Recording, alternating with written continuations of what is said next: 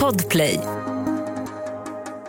Är detta, var är jag någonstans nu? Jag är hemma hos dig. Du är hemma hos I mig? ditt arbetsrum. Eh, ja, i vardagsrummet kan man säga. Men, men det blir ju där jag sitter och arbetar. I helt fel ställning. Är det så? Ja, jag, sitter, jag skriver helst i skräddarställning i soffan. Och så får jag jätteont i ryggen. Och så, för jag har ju bord och stolar och jag har skrivbord och sånt där. Men det är som att inspirationen kommer när jag sitter i soffan i skräddarställning just. Med datorn på en bricka i knät. Idiotiskt, men Konsten och lidande. ja, exakt. Det var just det.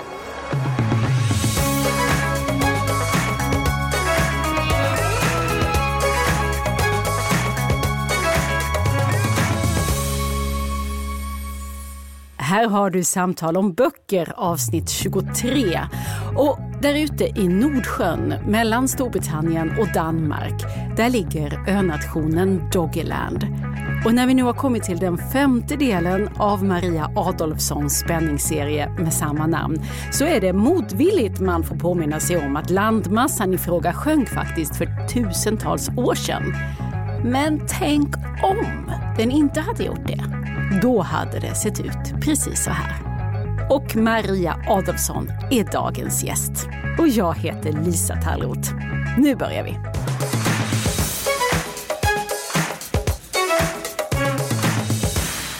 Varmt välkommen hit Maria. Tack. Eller hit och hit, vi ses ju på varsitt håll. Ja, det gör vi. Som man är van vid nu för tiden. Du hemma hos dig och jag i en studio. Och här sitter jag med romanen Fallvind framför mig som är den femte i serien om Doggerland. Och alltså då var det ju så att det var ju 2018 som den här serien inleddes med felsteg. Det är ju inte så länge sedan. Det, skrivkramp tycks inte vara något du lider av. Nej, inte hittills och peppar peppar och alltihop det där. Men, men, eh, nej, men jag, när jag väl kläckte Doggerland eller man ska säga så var det väl lite som att proppen gick ur. Jag hade gjort mina försök innan också men alltså Ja, men det, jag kan vara lat, jag är oerhört lat så därför kanske jag inte skriver under perioder och sådär. Men när det gäller fantasin och, och historier och berättelser och personer, nej, men då saknas inte inspiration, det gör det inte. Du kan ju inte vara lat när det gäller skrivande. Kan, hur, hur får man då ut fem romaner på fyra år? Jag, vet inte. jag tror att när den första kom, när jag fick kontrakt för den första, eh, då blev jag ju helt gobsmäckt som alla blir. Man fattar ju ingenting och hur ska det här gå? Eller eh, inte hur ska det gå, men kan det bli så här fantastiskt liksom? Och sen internationella kontrakt och sådär som gjorde att jag kunde då sluta yrkesarbeta efter ja, många herrans år, alltså över 40 år. Och jag var ju ganska gammal. Jag var väl i, jag tror att när de ringde från förlaget här i Sverige och sa att vi vill ge ut, då var jag nog 57 eller 58 tror jag. Nej, jag vet inte, jag tror att jag hade det så klart för mig. Alltså de första tre, egentligen fyra böckerna hade jag inom mig. De var redan uttänkta då när förlaget ringde om bok nummer ett. Sen visade det sig att de var intresserade av en serie och då var det ju bara att iscensätta, höll jag på att säga, det jag redan hade i huvudet. Och nu håller jag ju på med, i min dator och har eh, skrivit rätt mycket av bok nummer sex till och med. Och funderar hela tiden på sjuan och det är så sjukt för då håller jag på att säga men gud nu, jag måste skriva det här men jag vill igen, och så vill jag skriva om det där andra också som jag tänkt för nästa och nästa och nästa så att ja det är konstigt. Nu är det ju så här att du har ju fått många läsare så det är många som är helt införstådda med vad Doggerland är och känner din huvudperson Karin Eiken Hornby också och vill veta vad händer nu här i femman. Men eftersom det ändå är ett eget land du har skapat och uppfunnit så tänker jag att vi måste ändå introducera lite grann till ditt eh, kungarike. Är det ett kungarike? Nej, det är republik.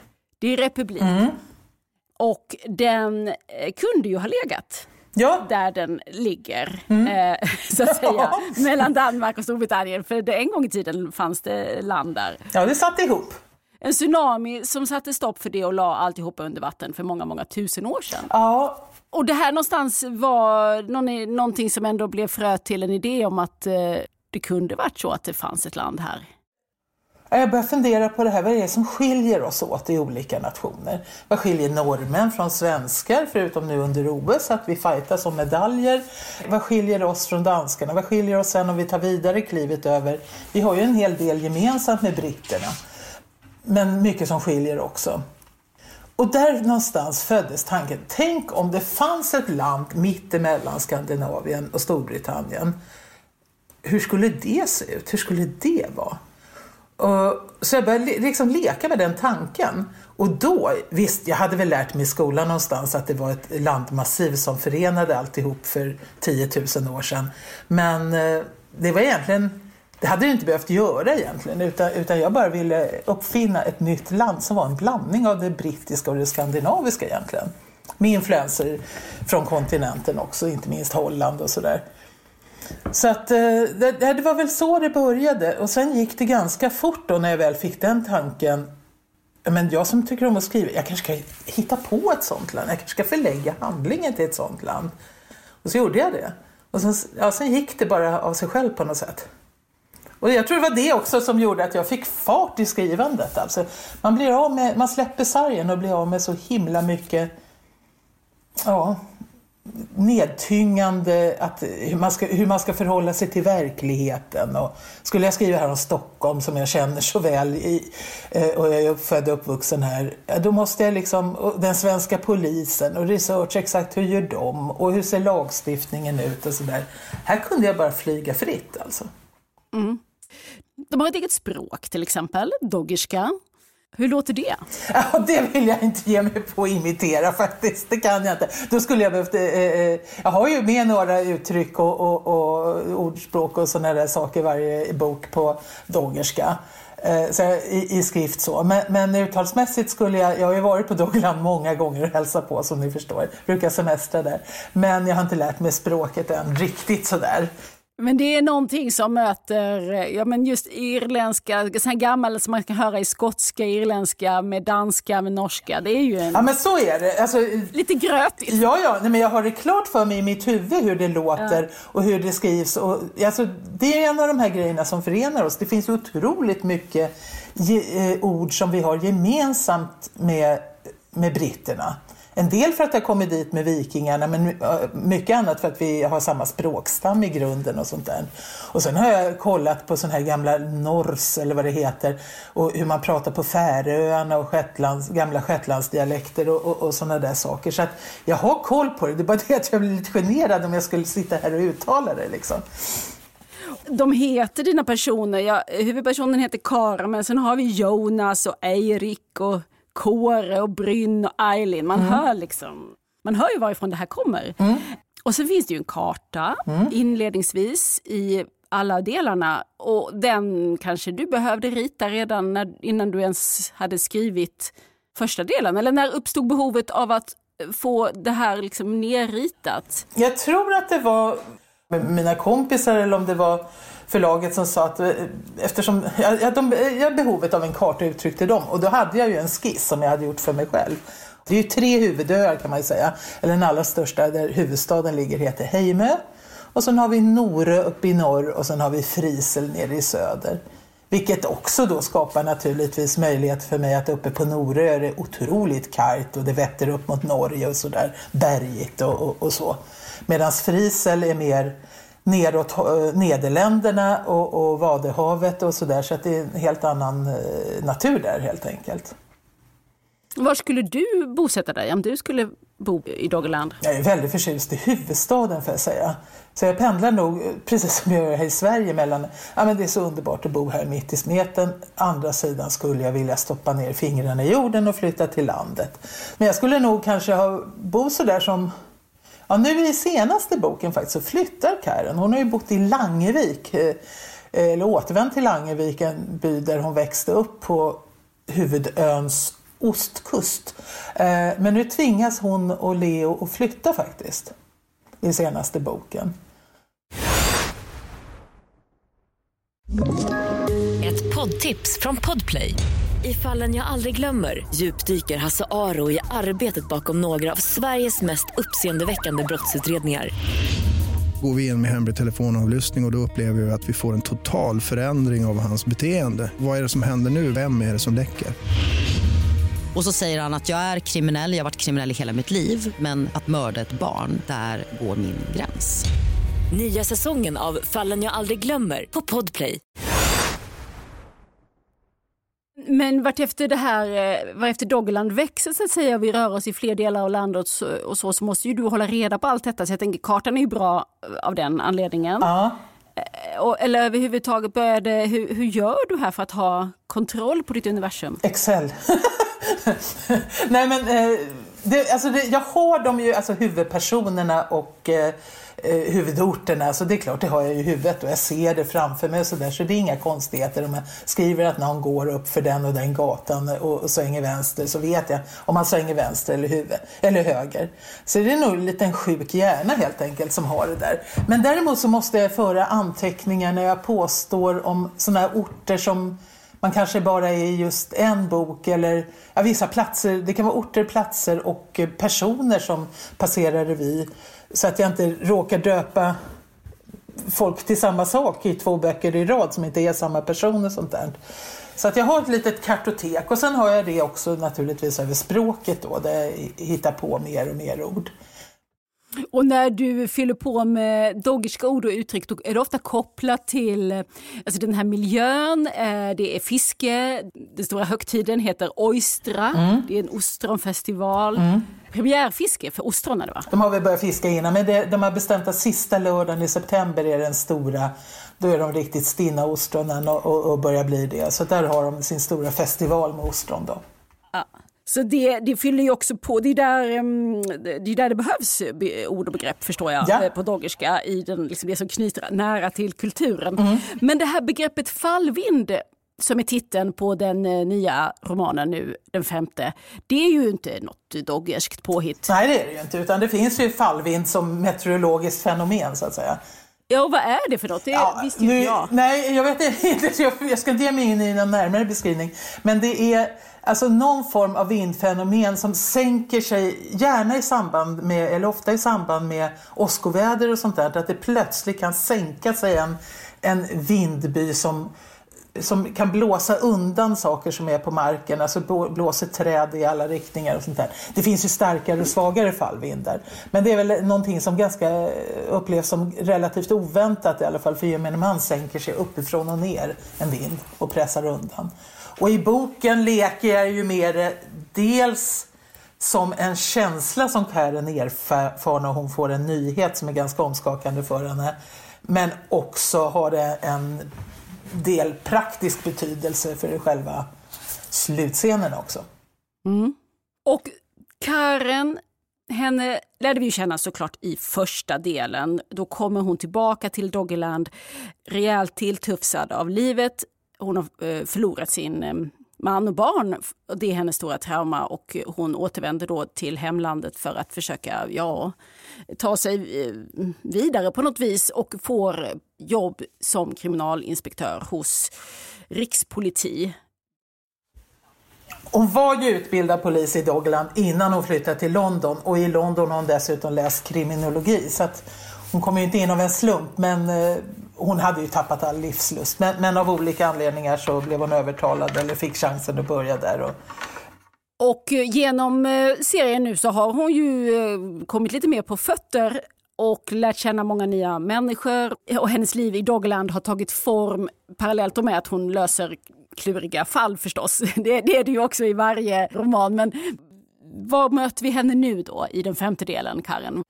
Hon var ju precis som du säger, hon var ju inte bara tilltufsad, hon var ju helt nedbruten av sorg och skuldkänslor när hon återvände. Och det var väl hennes mor och hennes bästa kompis Eirik som fick henne att fortsätta att leva överhuvudtaget. Och så började hon väl det. Men hennes idé från början det var att jag ska bara överleva nu rent, låta tiden gå och sen bara fortsätta existera av någon anledning. Med hjälp av arbete och en hel del alkohol och lite one night stands möjligtvis ibland och sådär. Så att hon hade inga illusioner om att någonsin stå nära några människor igen eller så, inte utöver sin bästa kompis och så. Men sen har ju vi livet velat lite annorlunda så hon har ju stött på Ja, ja hon har, och det har varit svårt för henne att, att eh, jag menar, om, man är, om man har mycket skuldkänslor och varit med om det hon har varit, om man då plötsligt känner en glimt av lycka, hur handskas man med det? Då får man ju mer skuldkänslor och sådana saker. Så att eh, Ja, det är mycket om hennes utveckling som person. Men jag kan säga att hon är på en bättre plats nu i bok nummer fem än vad hon någonsin har varit tidigare. Har den tagit vägen dit du hade tänkt dig, den här serien och hennes utveckling? Ja, med ett stort undantag får man väl säga. Ja, men det, kan, det kan jag väl säga då. Hon är ju hon är 48, ska fylla 49 i första boken. Och eh, sen utspelar hon sig ganska snabbt så att säga, i verkligheten de första tre böckerna. Men när hon i, i, är det bok nummer tre? Ja, det måste det vara. Inser att hon är inte sjuk som hon trodde utan hon är gravid. Ja, och det hade, det hade jag då inte beställt från början. Jag hade tvärtom gjort henne lite äldre för att liksom undanröja de möjligheterna. Men sen så, jag blir så förtjust i henne. Jag vill att hon ska få ett barn nu. Så att då fick hon det nu då. Oväntad graviditet. Jag var i valet och kvalet, men, men då började jag googla mycket på det och kom faktiskt fram till rätt. Man tror ju alltid att förr fick folk barn så himla tidigt och att det sådär. Men sanningen är att kvinnor förr födde barn så länge de var fertila och det var de ju ofta med, mellan ja, 20-årsåldern och upp i 50-årsåldern. Det var inte alls ovanligt en tanke jag hade var ju då just att du hade satt din huvudperson redan i att hon liksom, familjelivet låg bakom henne och hon var då 48 för att du ville skriva om en kvinna utanför familjerollen ja. och nu står hon här med står hon här blöjbarn igen. Ja. ja, precis. Nu har hon ju Leo som mer än gärna tar hand om det praktiska så att, och det är väl en förutsättning för att hon ska kunna vara fri och, och fortsätta att yrkesarbeta och sådär. Men hon har ju själv, jag sa att jag var lat, men är det någon som har blivit lat sen efter hon fick barn nu så är det ju Karen. Hon, hon ser ju fram nu i bok nummer fem. Hon är mammaledig med lilla Selma som hon heter och tycker det är underbart och vill ju bara fortsätta vara mammaledig. Leo vill ha sina månader. De har inte lika lång ledighet som här i Sverige. Men, nej, men hon ser fram emot en lång och skön sommar och, och så. Men det får hon ju inte för det, det snurrar till sig på polisen när hon blir övertalad att gå in då. Och det som hon får att sätta tänderna i nu eh, på jobbet, Karen, det är ju inte så mycket vi kan berätta om det, men mer än att du kan få, du kan få liksom, eh, sätta upp scenen. Hur, ja. hur drar det igång? Ja, då börjar det med att Karens kollega Carl Björken kallas till Holländarparken där man har hittat eh, en död flicka eller en ung kvinna ska man väl säga, hon är 19, snart 20 år, som ligger strypt med överkroppen ner i fågeldammen där. Det ser inte ut som en regelrätt våldtäkt alltså, utan det är någonting konstigt med det här mordet. Och det som gör att Karen måste gå in, det är inte det fallet, utan nere i Västerhamn så hittar de kroppen av en eh, drunknad, eller död i alla fall, ung man och då handlar det om, finns det några kopplingar mellan de här två dödsfallen? Och finns det fler? Och jag vet ju att du funderar väldigt mycket på vad det är som får någon att slå ihjäl någon annan. Mm. Ja, det är alltid så jag börjar deckarhistorierna och funderar över motivet. jag är egentligen helt ointresserad av att beskriva själva tillvägagångssättet, eller inte helt ointresserad, men, men det är inte det som jag lägger krut på Ja, det, det, är precis som du säger, det är det jag alltid börjar med. Vad skulle kunna få en människa att göra sådana här saker? Så ja, men det är viktigt, tycker jag, liksom att, att jag som författare försöker förstå alla personer i mitt galleri. Poddtips från Podplay. I podden Något Kaiko garanterar östgötarna Brutti och jag, Davva, dig en stor dos skratt. Där följer jag pladask för köttätandet igen. Man är lite som en jävla vampyr. Man har fått lite blodsmak och då måste man ha mer. Udda spaningar, fängslande anekdoter och en och annan arg rant. Jag måste ha mitt kaffe på morgonen för annars är jag ingen trevlig människa. Då är du ingen trevlig människa, punkt. Något kajko, hör du på podplay. Därför är Du är ju ungefär eh, tio år äldre än din huvudperson. Mm. Något sånt va? Ja än Karen. Och just detta som du var inne på tidigare att du eh, sadlade om ganska sent i livet och blev författare. Det var ju lite när, du, när Doggerland-serien först kom så var det ju en lite favoritvinkel när man pratade med dig att det var liksom mm. lite häftigt det här att du på gamla dagar Ja, det. Hade plötsligt blivit författare. Men då, men då hörde jag dig säga något så kul tyckte jag. Att eh, du sa så här att nu har man ju varit med på en och annan eh, rodeo. Ja. Och plötsligt så blir alla de här åren som annars kanske hade legat mig i fatet en Mm. tillgång. Ja, har sagt så klokt? Ja, men det är precis så jag känner. När kom du på det?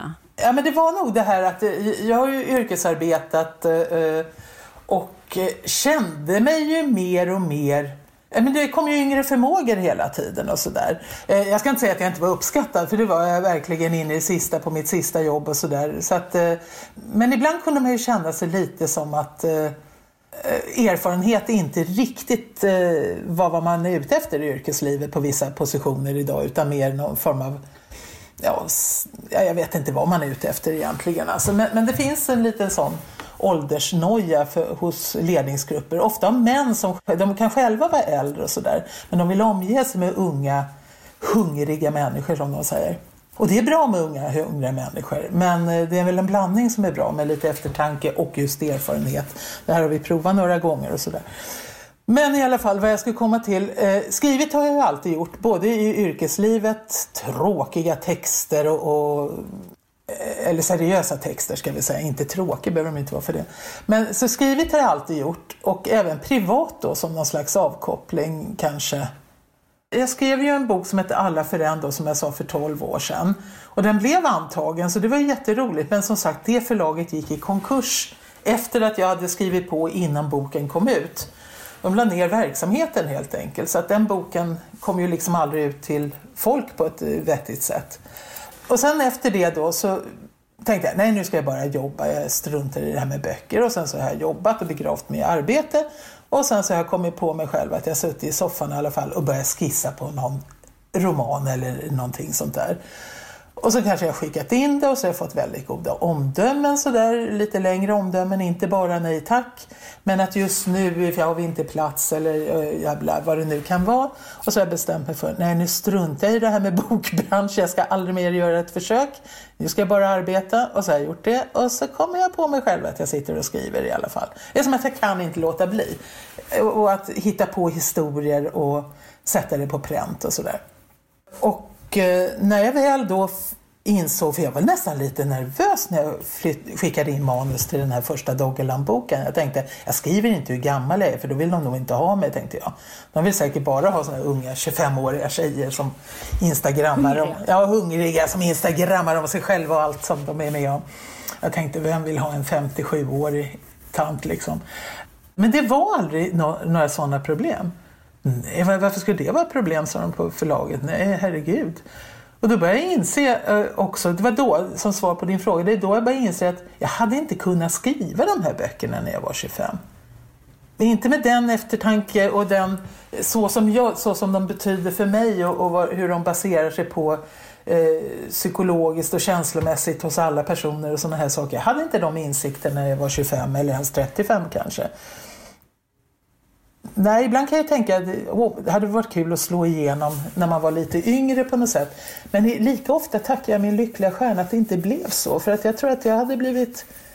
Eh, nej, nu tar jag det väldigt cool det här med, med att, att det går bra och så. Jag tycker det är otroligt roligt. Det är som att gå omkring med julklapp i fickan hela dagarna liksom. Men jag blir inte personlighetsförändrad av det. Nej, för att eh, ditt yrkesliv då kan jag bara lite kort nämna. Du var ju, eh, jobbade ju på SL i himla många år Ja. och gjorde andra saker också. Men du var ju bland annat pressansvarig på Ja, eh, regionaltrafiken här SL och det var ju en ganska liksom, stressig och hårt eh, ansatt Ja, det var- tjänst. det var helt Tycker sjukt jag mig faktiskt. förstå. Och du, du var väl också under någon sjukskrivning där som du bland annat började skriva? Den här första boken för 12 år sedan eller vad det nu är. Ja men det är riktigt, för då blev jag sjukskriven till slut. Jag, hade jobb, jag jobbade tio år som presstalesman för SL. Men de första åren, ganska många år där först, så var jag helt ensam om uppgiften. Och det gjorde ju att jag hade ju inte semester eller sjukledighet. Jag ringde en journalist fick jag ju svara vackert ändå. Så att jag har ju bokstavligt talat eh, suttit dubbelvikt över toaletten och, och i direktsändningar i Radio Stockholm och hoppas att de inte ska höra att jag kräks emellan frågorna det är nya människor nu, men, men på den tiden var det ganska cyniskt. Jag var duktig och det var ingen som såg vilken skada jag tog. Det var inget bra ledarskap över mig där. Och mycket riktigt en dag kom jag till jobbet och jag hade ju mått så dåligt en längre tid och sov inte och, och försökte få upp adrenalinet genom att gå ut och nästan slå mig i ansiktet. SL var är, hela tiden var de i media alltså. Och vaknade av att tv stod i, i, i hallen utanför oanmälda och sådana saker. Jag var liksom ansiktet utåt för allt som hände på SL. Och en vacker dag så bara brast det. Jag, jag, var som att jag sa till säkerhetschefen, kom och sa, men Johan, jag mår faktiskt inte, jag vet inte, jag måste gå här, jag mår inte bra, så jag. Det var som att det, jag hörde inte vad han sa liksom. Det, det var, allting var som ett brus i huvudet bara. Så gick jag ut och började storgråta och sen var så kom jag till vårdcentralen för vad är det som har hänt? Det är ingenting, så jag vet inte, det är ingenting som har hänt. Jag är bara så trött och ledsen. Jag orkar Jag vet inte vad jag ska säga, jag vet inte varför jag gråter. Vad jobbar du med? sa de. Jag är prästtalesman på SL. Japp, sa de. Och så var det liksom, du ska nog inte jobba på ett tag. För de visste ju, det var ju landstinget det också. De förstod nog ungefär hur illa det var. Så jag var borta, i, inte ett helt år, men nästan ett år var jag borta. Och sen så började jag då långsamt på 25 och 50 procent och jobbade. Så jag fortsatte och gick upp på heltid och jobbade ytterligare några år. Men då var jag ju inte ensam om det. Då hade vi blivit en liten avdelning när jag kom tillbaka. Då tror jag vi var fem som delade på uppgiften. Men under den här tiden när det var sådär jävligt och du var jagad och stressad. Den här delen som nu har kommit fram inom dig och skrivandet och fantasin och författandet, fanns det någonstans då? Fanns det någon plats i ditt liv för... Ja, det var ju det det inte gjorde egentligen, en bra fråga. För att, nej, inte då under de tio åren som jag var presstalesman på SL, men då när jag blev sjukskriven. Jag tänkte jag kan inte bara promenera nu, så jag måste göra någonting. Och då började jag tänka, hade inte jag börjat skriva på ett bokmanus för många år sedan som jag hade i byrålådan? Alltså typ bara kanske 30 sidor eller någonting sånt där. Och så började jag läsa och så tänkte jag, men herregud, det här var ju inte så jäkla illa. Det, det, men det här är ju inte dåligt. Och då bestämde jag mig för att det är väl det jag får göra nu när jag är ledig. Att jag, jag, ska, samman, eller jag ska färdigskriva här, den här boken. Och nu när du, eh, jag vet inte hur du tittar tillbaka, livet har olika faser och sådär, men tänker du att, eh, att vissa saker borde, borde jag ha gjort på något annat sätt? Mm, det, alltså, jag, en sak som jag har tänkt på när det gäller mig, det, det är många fel på mig, men, men, en grej det är att jag önskar att jag någon gång kunde vara stolt och känna stolthet. Jag är så glad för, att, för det här med böckerna. Och jag känner mig glad och tacksam och nu låter jag som att jag skulle vara någon liten sån här god människa. Det är jag verkligen inte. Men, men, men, men jag har så svårt att känna stolthet över det för jag tänker liksom det här är en gåva jag har fått antar jag med fantasin och möjligheten och, och... Men då har jag kommit på att det finns en sak jag är stolt över. Och det är att jag inte gav upp. Att jag, att jag skickade in ett antal manus, att jag var nära så många gånger och att jag bestämde mig för att ge upp men att det ändå var att jag kunde inte låta bli så att jag försökte igen. Och det är väl det som har lönat sig till slut, att jag, jag försökte igen och igen. Och, så, det, så det är jag stolt över, att jag faktiskt inte gav upp. Och sen tycker jag det är lite cool att, att konstatera att man att man får den största framgången så sent i livet och att det är minst lika roligt då. Jag tror nästan roligare då på något sätt. Och det, det, tycker jag är kul. Det är många som du säger som har uppmärksammat det, men, men med rätta lite grann i ett ganska åldersfixerat samhälle så är det väl bra att påpeka att eh, man som kvinna inte behöver vara uträknad för att man har fyllt eh, 40 liksom, utan och som författare är det ju bara bra med livserfarenhet. Så att skriv på ni som har sådana tankar och ge inte upp. Apropå att inte ge upp, har du någon, eh, någon slags målbild vart du vill ta den här serien? Eh, vad ligger framför dig? Nu, det är lite mer öppet nu. Sex i datorn. Ja, precis. Sex och sjuan i huvudet. Men sen, från det, då är det ganska öppet. Då, är, då har inte jag riktigt bestämt vad som ska hända. Och jag har aldrig någonsin heller bestämt hur många böcker det ska bli från början. Nu har vi ju i alla fall fem säkra kan jag säga. Det började med felsteg, sen kom stormvarning, mellan djävulen och havet heter del tre, Spring eller dö är fyran och så Fallvind då, mm. den här som är, nu är alldeles ny. Tack Maria Adolfsson. Tack så hemskt mycket för att jag fick komma.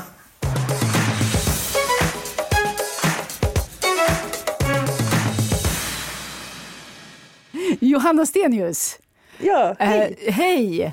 Dogland har vi precis eh, varit på här med Maria Adolfsson och Ja. det, eh, så man blir så himla frestad att, att lajva Dogland. Jag älskar Doggerland. Ja. Och ni på Selma Stories har plockat upp det om man vill ta det ett steg längre. Ja men precis, vi försöker ju samla ihop Doggerland-världen på Selma Stories. Vi har en helt egen liten del av vår sajt som handlar om Doggerland så man kan gärna gå in där och titta.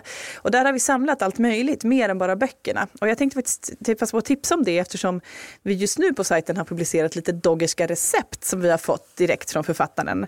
Bland annat recept på Doggersk lammlåda och en väldigt god drink som heter Fiskarens törst som serveras på pubarna där. Och jag kan faktiskt smaka på de här och kan garantera att det är väldigt gott.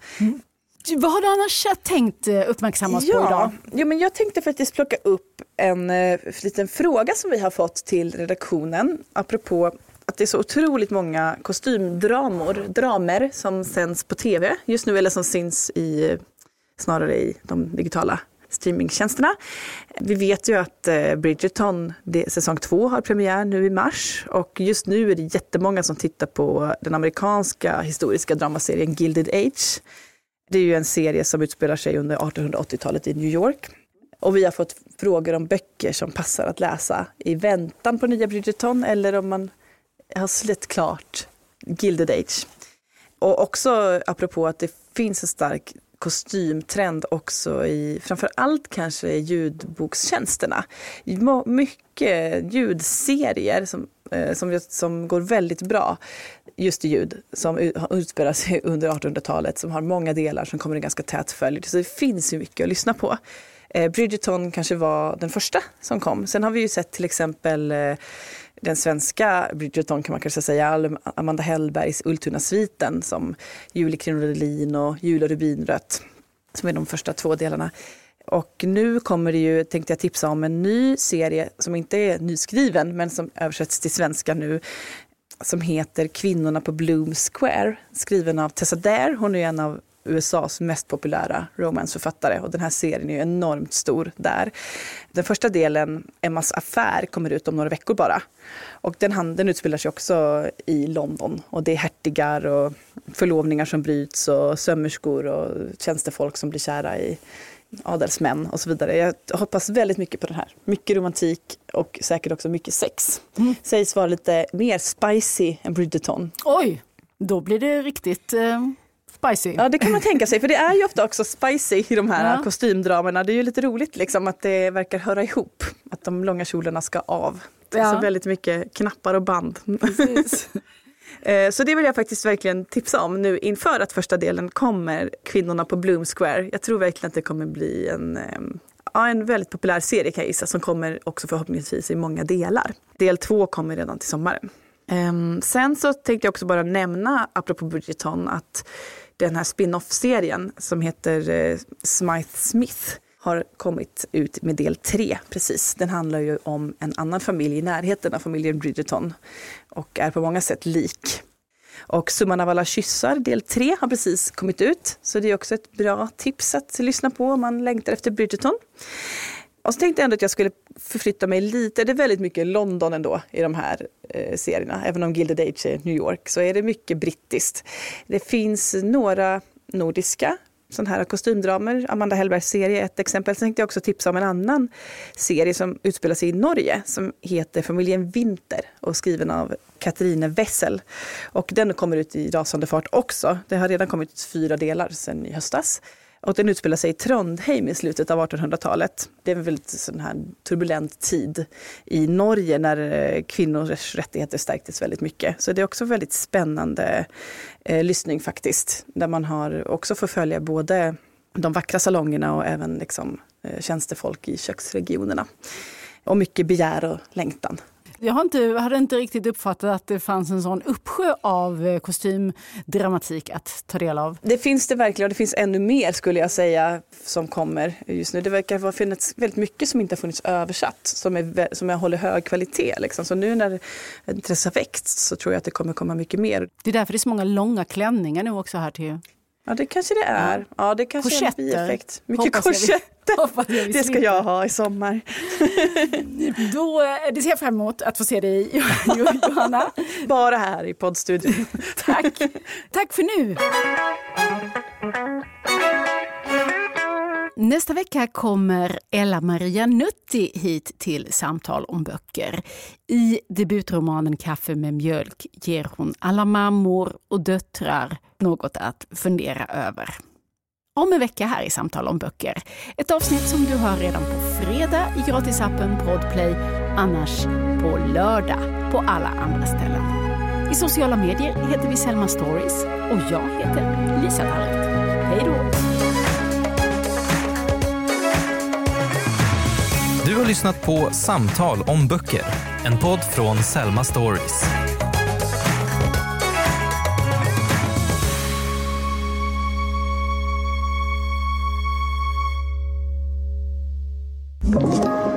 Podplay.